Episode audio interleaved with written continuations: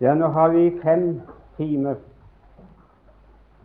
holdt på å snakke om synd.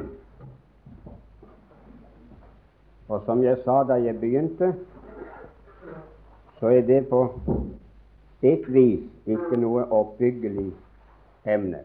Iallfall ikke et emne som er egnet til å sette oss i en god og lykkelig sinnsstemning. Og allikevel kan det være av oppbyggelig art,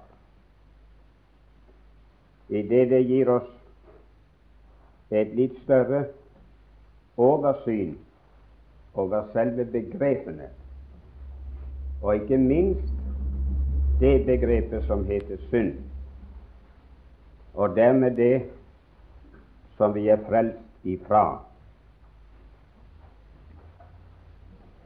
Men nå har vi bare denne timen igjen om samme sak. Og så får vi prøve å gå over til det som kunne være mer befriende av.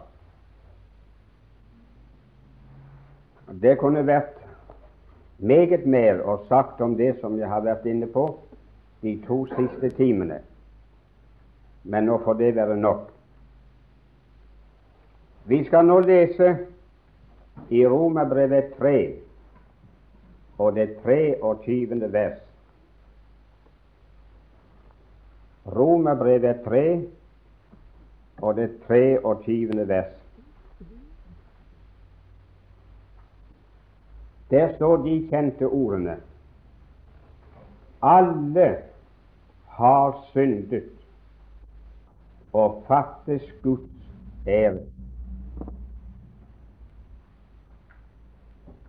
Det er den neste og vesentlige følge av synd, nemlig den å fattes den ros og den ære som er av Gud.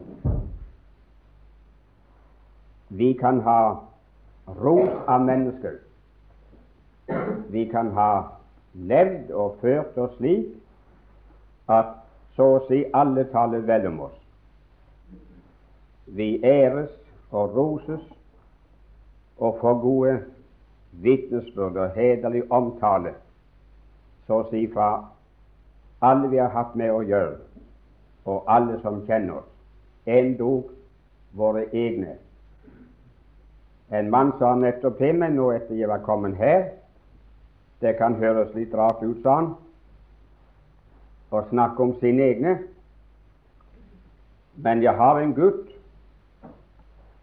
han var visst nå iallfall på grensen av voksen, hvis han ikke var voksen. Han opplevde noe, sa han, da han var i sitt tolvte år. Og selv om det er min Guds ånd, så er han slik at mor og meg har undres på at vi ikke ser noe vondt og stygt hos ham. Han er så snill og så god som dagen er lang. Sådanne mennesker finnes her. Om de ikke nettopp er i flertall, så finnes det noen sådan. Men det som er hovedsaken, det er at hver eneste en av Adams slekt fattes den ros, den ære, som er av Gud. Og den fattes vi på grunn av synd. Her sto det at alle har syndet og fattes Guds ære. Det ordet har jeg selv misforstått i lang tid og mange misforstår det visst fremdeles. De kunne ikke godt fatte det, at alle hadde syndet, og syndet slik at de fattes Guds ære. Når jeg så og tenkte på alle disse mennesker talt, gode mennesker, som du ikke kan sette fingeren på noe sted med hensyn til sitt liv, sin vandel, så gjør de skam for mange troende. De er vokset opp i et troende hjem. De har holdt seg til Herren fra de var små, og de har hatt en åndelig krise hvor de kom igjennom til bevisst liv med Gud. Og som vi pleier å si, av naturen så er de gode og snille. Og så skal de, så vel som enhver annen, som den der ligger i rennestenen, ha syndet, og syndet så han fattes Guds ære. Mange synes det der er for drøyt. Men her vil jeg prøve å gi dere en liten opplysning eller orientering angående dette vers. Hvis det begynner med Romerbrevets første kapittel og leser de tre første kapitlene igjennom i sammenheng Det kan vi ikke ta tid til å gjøre nå. Så vil dere ganske snart bli oppmerksom på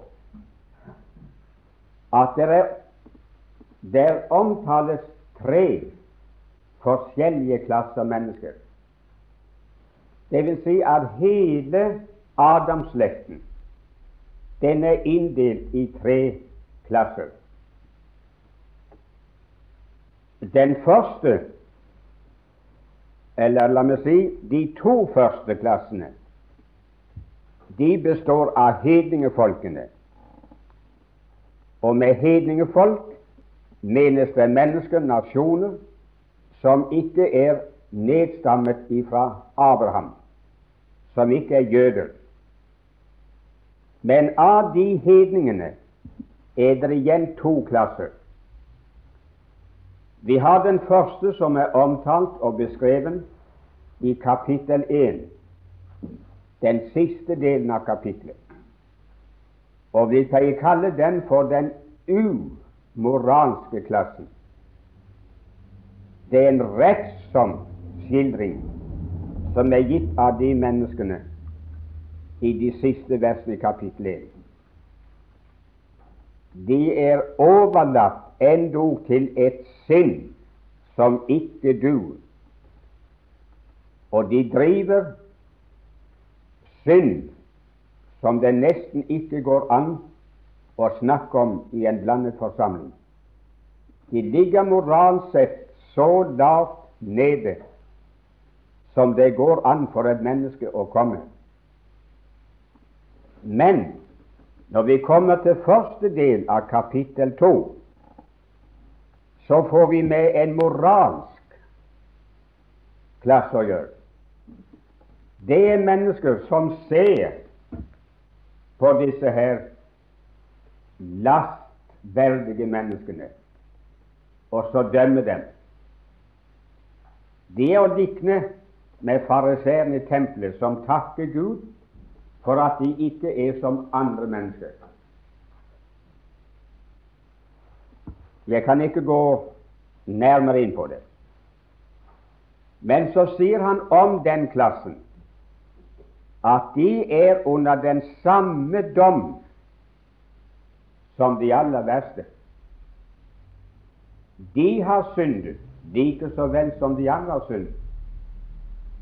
Og Guds vrede skal en gang åpenbares fra himmelen også over dem. For, sier han, de gjør de gjør det samme som de som de selv fordømmer. Hvordan kan det henge sammen? Jeg tror ikke det er mer enn én måte å se det på og forklare det på.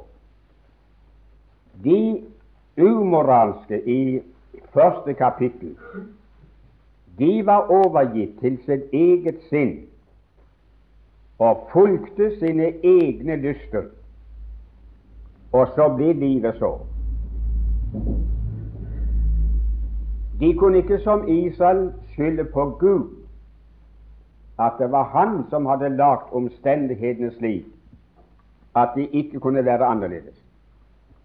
Men Gud ga dem simpelthen anledning til å få leve slik som deres egne lyster drev dem til. Og så blir livet slik. Nå, den moralske klassen, som beskrives i kapittel 2, de har gjort nøyaktig det samme. De har fulgt sine lyster, akkurat som hine. Det er bare den forskjell at deres lyster, deres smak og sans for livet, har gått i en annen retning. Ingen av dem har gjort Guds vilje og fulgt Hans interesser. De har alle gått etter sin egen vilje.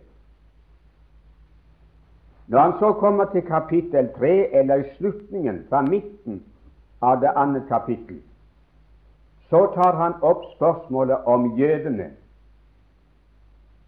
Om hedningene sier han at hedningene de har ikke loven, og har heller ingen lovgjerninger, og har heller ingen overtredelser. Men de har synd i massevis. Men de har ingen lov som de overtrer og overtrer og overtrer. Men de har synd. Jødene, sier han derimot, de har loven. Og så trøster de seg til at de har loven, og mener seg å stå i en bedre stilling overfor Gud enn alle disse andre hedningene, både de moralske og de umoralske. Så tar han de opp, og så stiller han dem i lys av den loven som de trøster seg til. Og så sier han når du som er jøde og har loven, trøster deg til loven, si meg, bryter du loven? Og så konstaterer han det, at de bryter loven. Og så spottes Guds navn mellom hedningene ved det jødene gjør. Og så er de under dommen. Så tar han samtlige mennesker, alle tre klassene, opp i kapittel tre og derfra det tiende vers. Jeg tror vi tar tid til å lese det.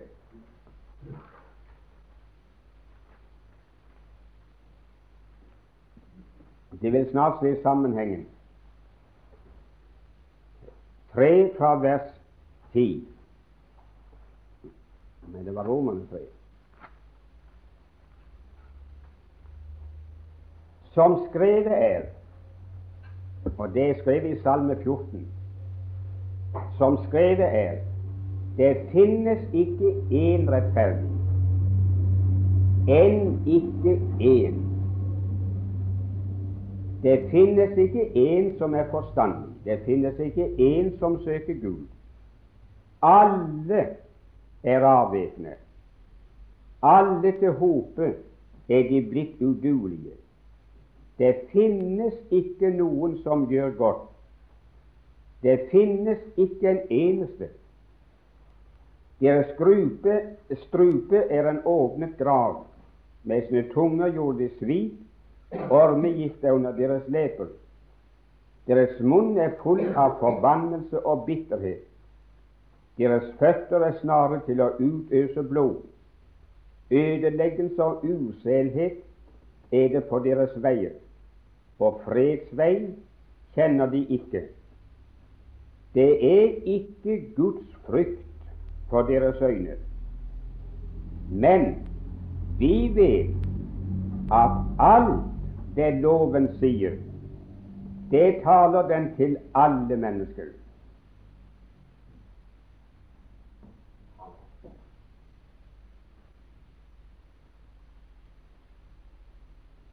Ja, er det ikke det som sies, og som prekes, og som skrives?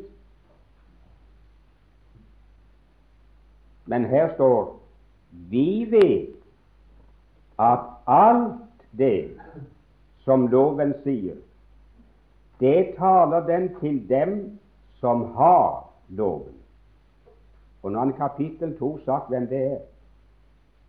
For at hver munn skal lukkes, og hele verden blir skyldig for Gud.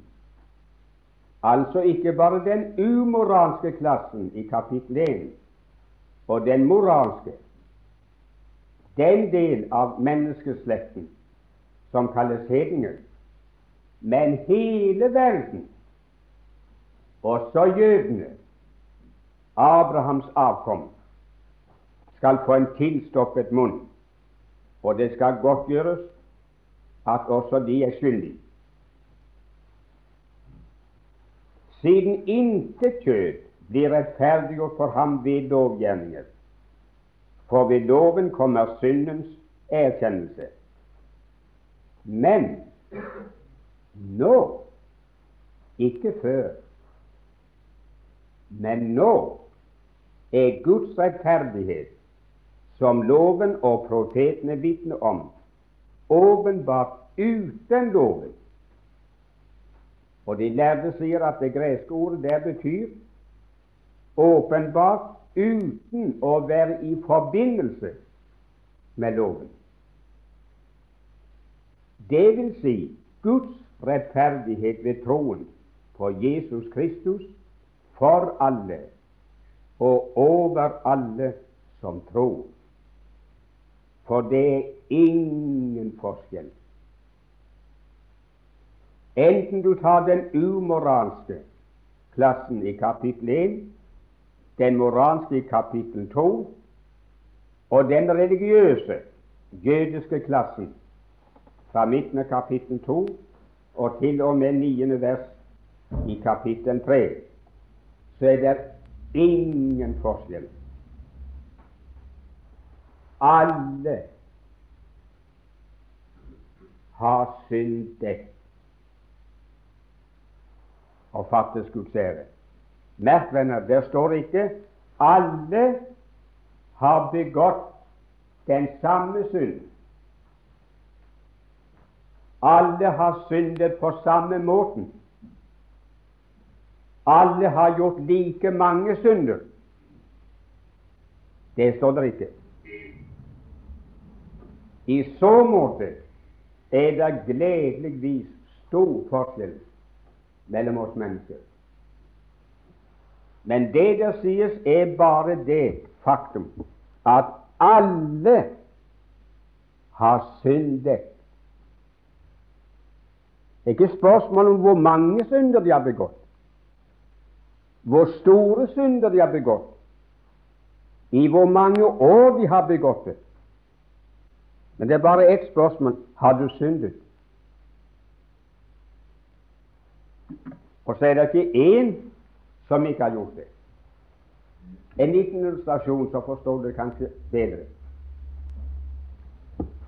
Kan du se for deg tre personer som er ute og går? Så har alle tre havnet i en stor sølepytt. Den ene han er kommet uti, så det er bare så vidt det kommer opp på ankelen, som om han bli våt i skoene. Men så er det en som kommer litt lenger ut. Han står i til knes, eller til lemmene. Men det er samme sølen. En tredje, han står i til, til halsen. Han er mest gående. Så står de tre og ser på sin stilling der hvor de er. Det var jo lett, synes den første, at han skulle ha trødd over skoen og være kommet ut i sølen. Men så ser han bort på Forferdelig. Gudskjelov at at det er ikke så galt fatt med meg. Jeg takker Gud fordi jeg ikke er som andre mennesker. Den ene der ute, stakkar, han er håpløs. For han ikke håp om å få bena opp og komme til land.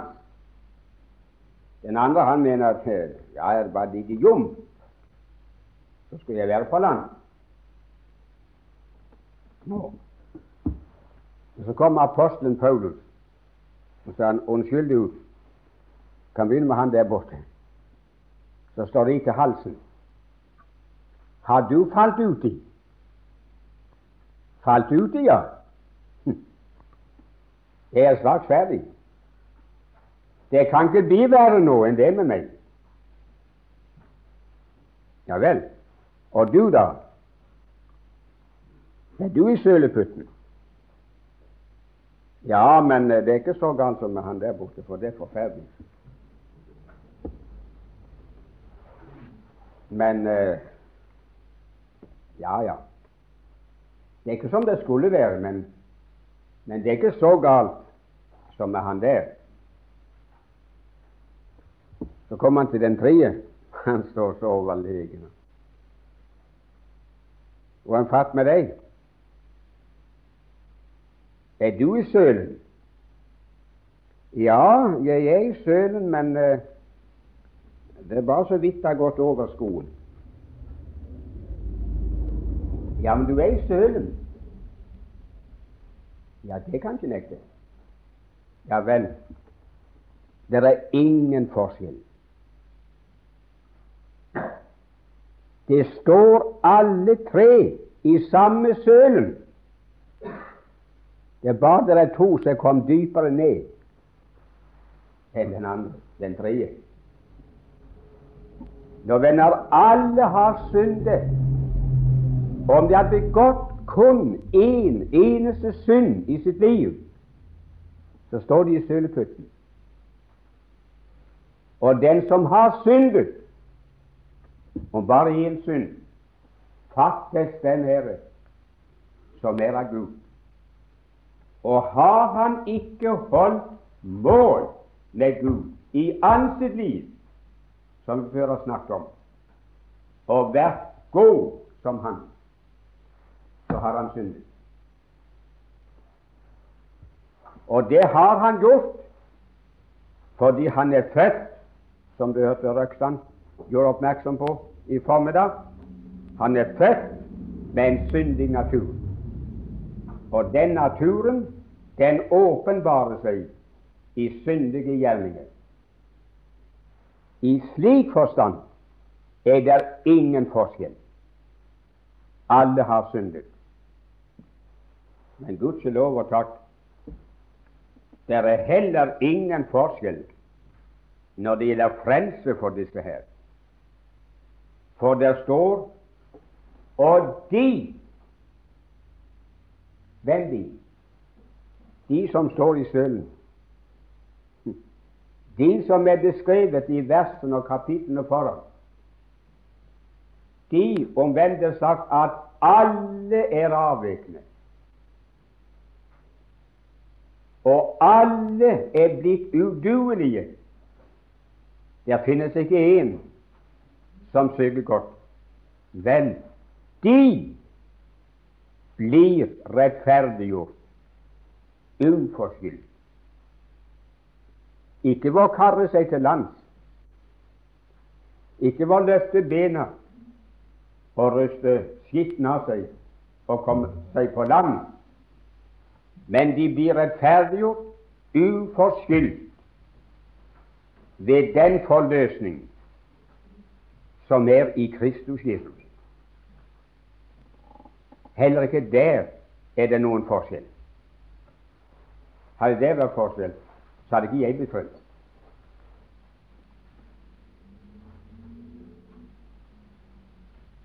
Mer skal jeg ikke ta tid til å si om det, at alle har syndet, og alle fattes Guds ære.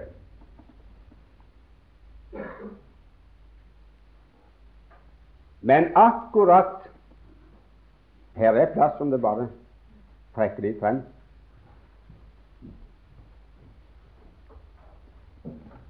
Akkurat ved siden av det som vi nå snakker om, ligger det noe annet. Og det er at synden, hva navn den enn bærer, vår tilstand og synden i våre handlinger, den har påført menneskene en vond, anklagende og plagsom samvittighet. Og det er i grunnen en lykke.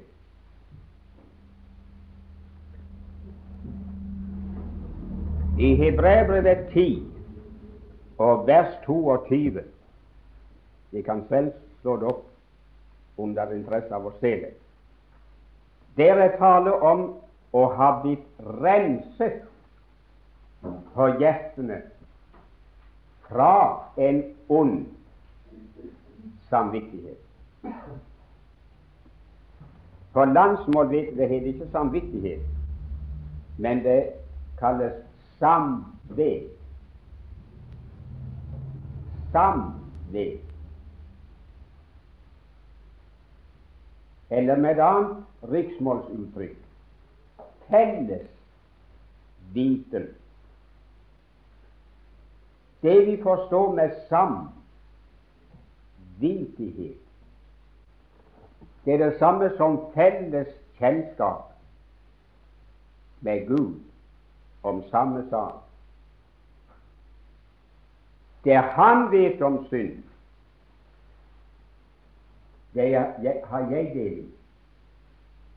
Det er medviten her inne hos oss som sier vi er skyldige. Vi har syndet imot en ren, hellig, rettferdig Gud. Og så skaper den samvittigheten, den medvitenheten med Gud om at vi har synder, den skaper angst og frykt for Gud.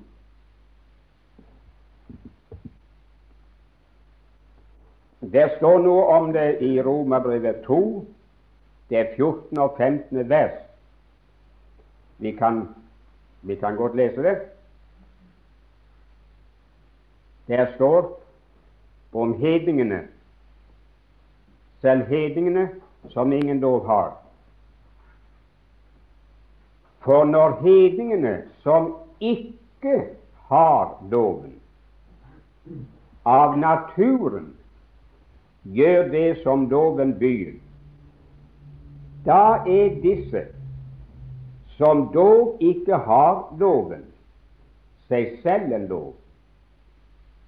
De viser at lovens gjerning er skrevet i deres hjerter, i det også deres samvittighet gir sitt vitnesbyrd, og deres tanker innbyrdes anklager eller også forsvarer dem.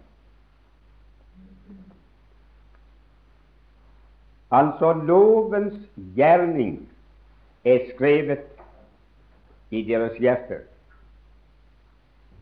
De har den ikke skriftlig innbundet i en bok som vi, eller som jødene, hadde den. Men det lå i deres innerste sinn.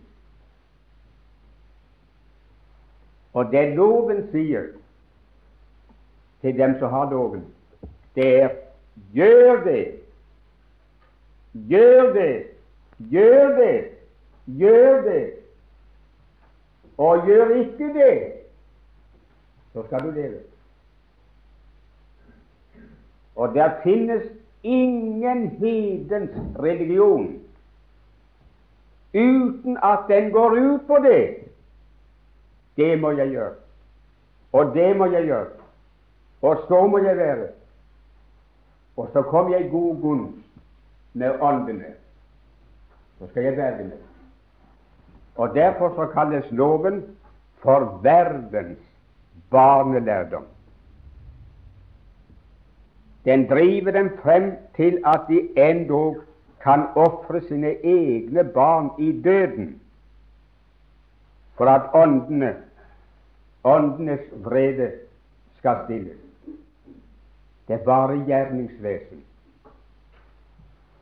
De anklages, dømmes for det de har gjort, og slik som de er, og lever i angst for at det skal komme til å gå dem galt når de dør. De har ikke samme forestilling om tilstanden bak død og grav som opplyste, frelste mennesker har, som har Guds ord skrevet.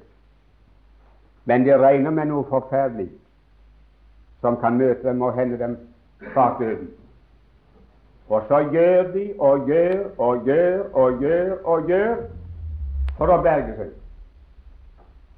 Det er ingen ro, ingen fred. Medvitenheten om synd og skyld skaper angst, og angsten driver dem til gjerningsvesen. Og det står i Salme 51, det femte vers,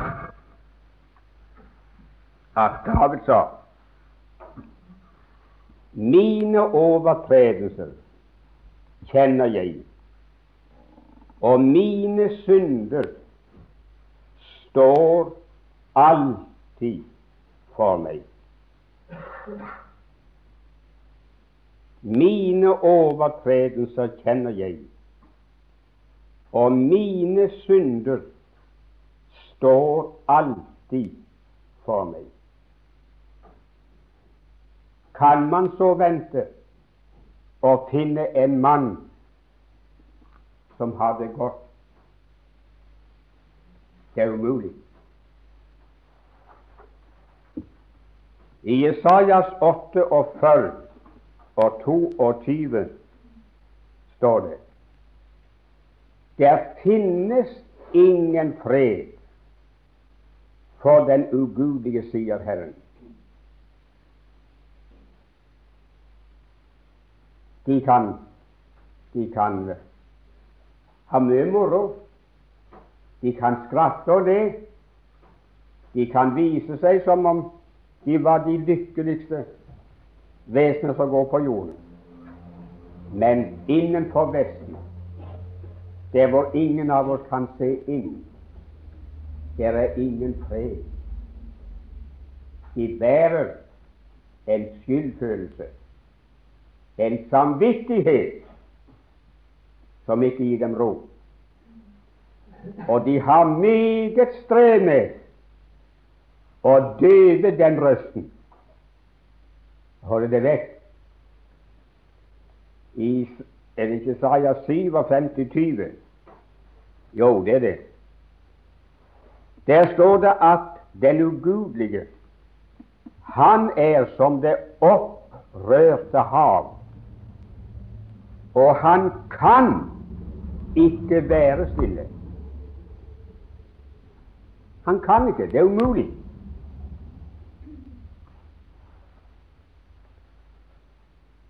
Garborg han skrev i en av sine bøker blant annet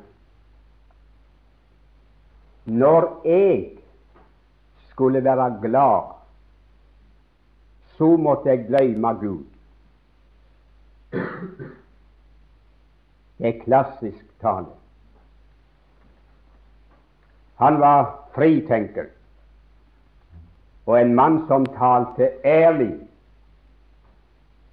han la ikke skjul på hva han trodde, hva han tenkte, og hva han følte, og slik som han hadde det. Skulle jeg være glad, så måtte jeg glemme Gud. Og i boken 'Den bortkomne Fader'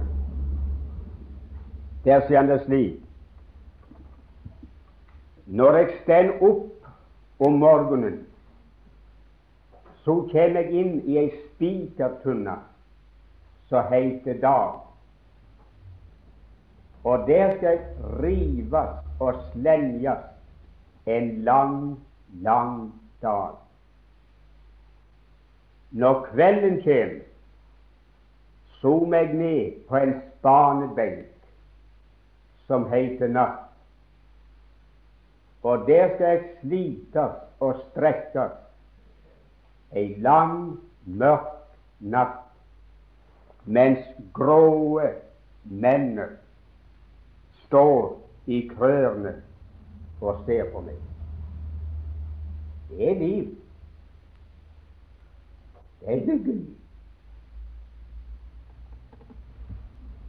Men venner, den mann snakket sant og talte på alle vantro menneskers vegne, der er ingen fred. Og så søker de godt folk til det ytterste å aktivisere seg, bli så opptatt og avskremt at den røsten ikke skal pine livet av dem. De kan, de kan, ikke sitte nesten stille en time inne i stua si. Noe må de ha. Dram eller røyk eller avis eller cowboybok, en detektiv eller en annen roman. Noe må de ha. De kommer hjem fra kontoret, hjem fra forretningen, hjem fra arbeidet, slitt og trett, har vært borte hele dagen. Kona og barn venter på dem. De kan ikke sitte i ro nesten med bordet. De må ha noe ved siden av og lese, og så svarer de i hytt og vær. Ingen ro. Opptatt.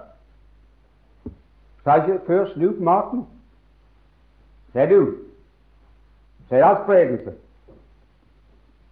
Ikke alt noe stygt. Så er det øvelse, så er det trening, så er det komiteer, så er det sport. Gud vet hva det er.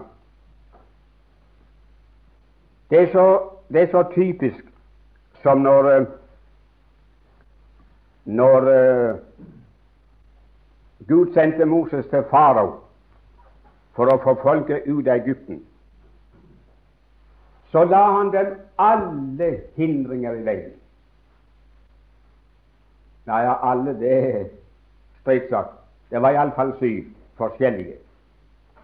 Blant annet sa han, og det er så typisk, og har aldri passet bedre på vår tid enn den gjør i dag. Han sa la trellearbeidet hvile tungt på mennene. Pålegg de og så lage like mange tegnsten som de har gjort før, men de skal selv skaffe materialen til veie. Men samme antall sten skal lages. La det trellearbeidet hvile tungt på mennene, for de ikke skal ha tid til å høre på løgnaktige ord. Det gjaldt altså å få dem derhen at de ikke gikk og hørte på Moses Aron. For gjorde de det, kom de til troen på det. Og så blir det revolusjon. Og så reiser de. Skulle de bindes og holdes tilbake på den måten? Han forbydde dem ikke med lov å høre på Moses Aron. Nei da, men de fikk så grenseløst travelt. De hadde ikke tid til å gå Høyre. Spør folk nå om dagene om de har tid til overs å gå i kirke og bedehus. De har ikke en kveld til overs. De har ikke en time til overs. De er så aktivisert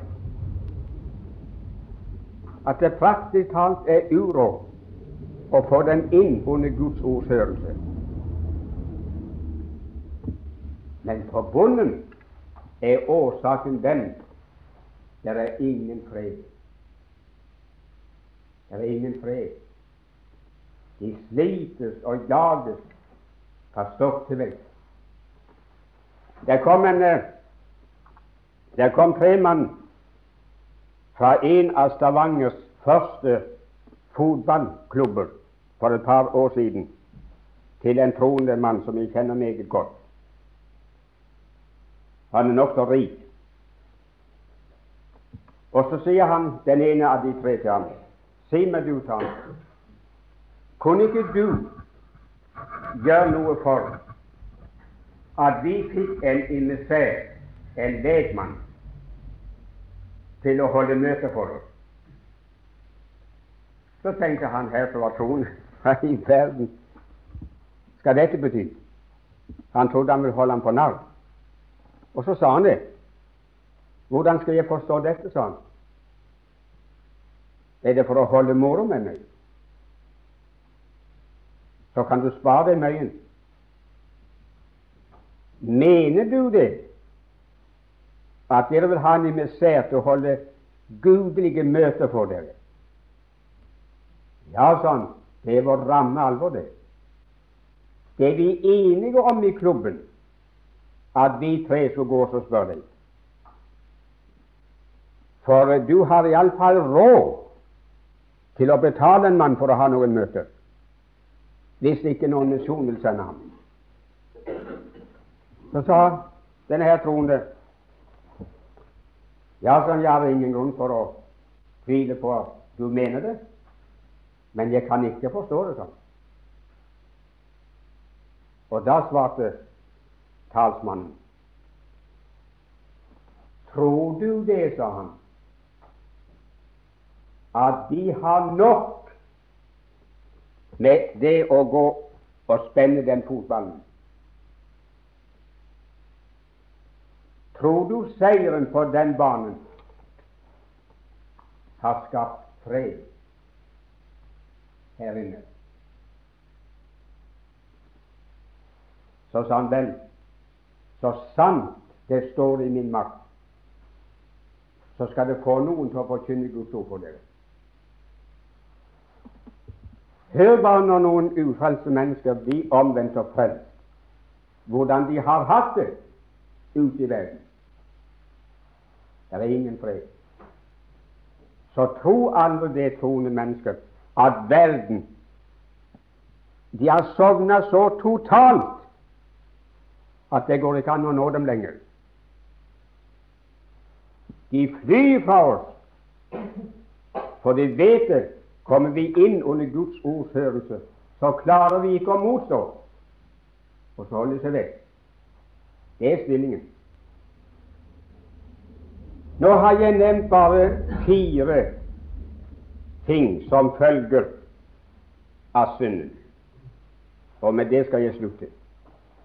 Men det er mange flere. All nød, all sorg, alle skrik og alle tårer i denne verden, i det enkelte menneskes liv og i samfunnet, kan føres tilbake til synden. Kunne vi ta den vekk, så ville all denne nød være borte. Leser vi historien, enten det er den religiøse eller profane, den verstlige historie, så er det en eneste beretning om menneskers hat, misunnelse og mord. Det historien om blod som denne jorden har drukket. Og alt det er synden. Men all det kan vi ikke gå nærmere inn på nå. Så fra mandag så skal vi begynne å si noe om soningen. Soning av synd, og litt om følgene av den. Hvor langt vi da rekker, det kan jeg ikke godt si, men vi skal iallfall begynne. Og da kommer jeg til å, å snakke med dere og for dere som troende folk som sitter her, for å hjelpe dere til å klare begrep om ikke bare at dere er frelst, men hvordan dere er frelst. Fader i himmelen, Du har hørt oss disse timene, og du vet i hvilken jord det har falt, som vi har lest og sagt. Nå vil jeg gjerne be deg om at du ved din egen ånd vil sørge for at det vi har sett, og det vi har greid å, å tilegne oss på en måte, det må danne en bakgrunn hvorpå sannheten om din frelse for syndere kan tegnes, så vi ser den klarere enn vi har gjort den noensinne før. Syng resten av dagen for oss i Jesu navn. Amen.